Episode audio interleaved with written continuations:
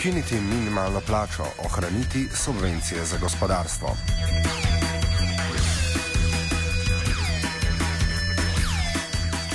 Čas kislih kumarc je včeraj vsaj delno prekinila javna tribuna gospodarske zbornice Slovenije, ki je ponovno predstavila nekaj svojih starih neoliberalnih zahtev, hkrati pa napovedala, da bo zaostrila dialog z vlado, saj da postaja stanje v gospodarstvu v Sloveniji neuzdržno.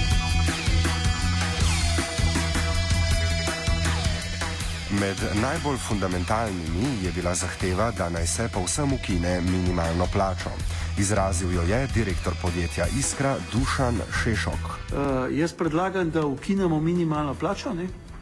in naj trg regulira, naj trg regulira uh, pač plače. Ne?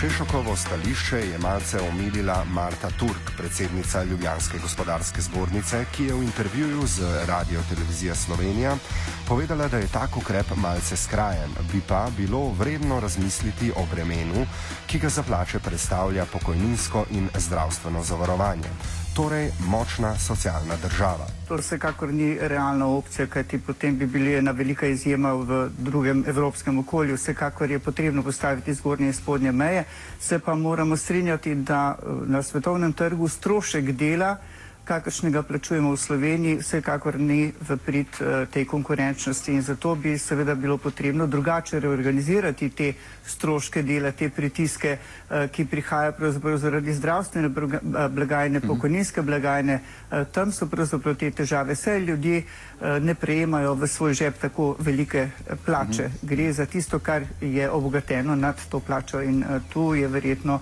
glavna kritika direktorju, kakršen je gospod Šešo, ki je predvsem upozoril opozoril seveda na minimalne plače, ki, minimalno plačo, ki se je bistveno dvignila pred uh, nekaj leti.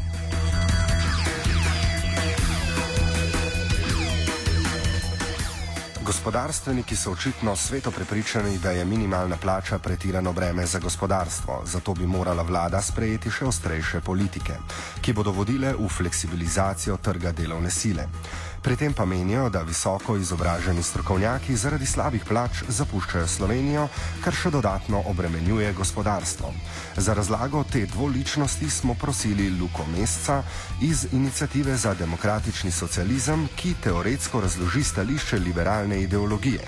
Da socialna država uh, in pa njeni mehanizmi spodbujajo, um, spodbujajo neko povpričnost medtem ko uh, kar naj bi pač jemali bolj sposobnim, to so tisti, ki imajo več premoženja, ki so bolj bogati in naj bi socialna država potlej dajala um, pač revnejšim, ki pa naj bi v liberalni ideologiji seveda pač manj sposobni. S tem pač oni skušajo pokazati, da, da gre za zapiranje sposobnih in pa za subvencioniranje uh, manj sposobnih in potlej uh, v merih, kot imamo zdaj v Sloveniji, skušajo, skušajo skozi to pokazati, da zdaj zaradi tega, ker mi ohranjamo socialno državo, bolj sposobni kadri bežijo, ampak eh, bolj del, daleč od realnosti, od realnosti to ne bi moglo biti.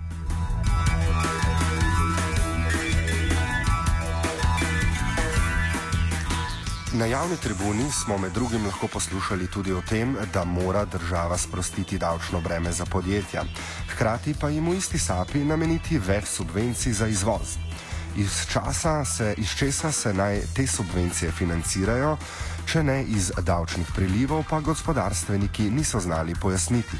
Besedo smo zato ponovno dali mesecu iz IDS-a. Medtem ko uh, delovski razred učijo naj vrčuje, pa zase smo videli, da zahtevajo subvencije za izvozni sektor, uh, nižje davke in tako naprej. Skratka, um, predvsej, mislim, bolj jasen razreden interes tukaj noter.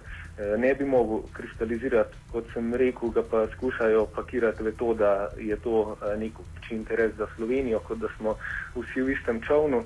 Um, ampak eh, tudi to je zelo um, na trhlih nogah, ker kot vidimo iz praks drugih držav Evropske periferije, to nikoli ne zdrži. Tisto, kar je dobro kapital, ni dobro za celotno državo, ampak samo za kapital delovski razred pa strada.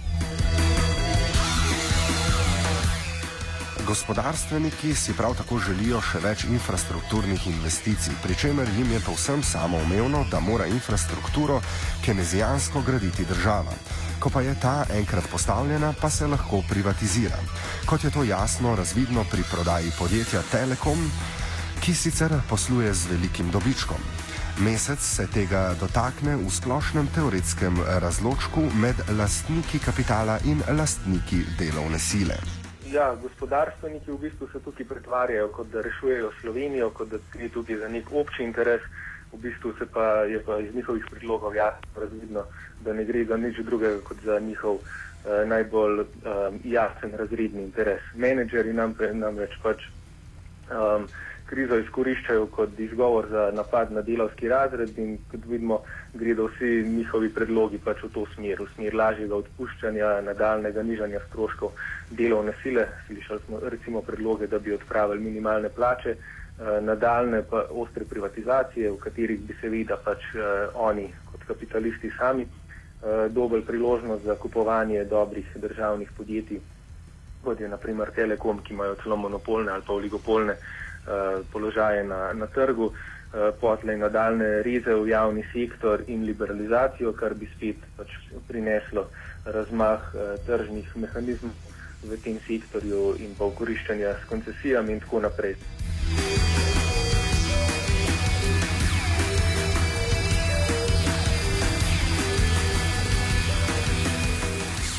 Vroče poletje se tako izteka v vročo jesen. Razredni boj pa so očitno začeli napovedovati tudi lastniki kapitala oziroma, če naj ostanemo politično korektni, njenega, menedž njenega menedžeri in upravljalci.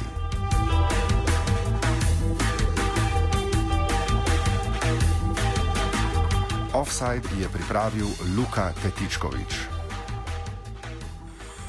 Oh. Oh. Oh. Oh. Oh. Oh. Oh. Offside.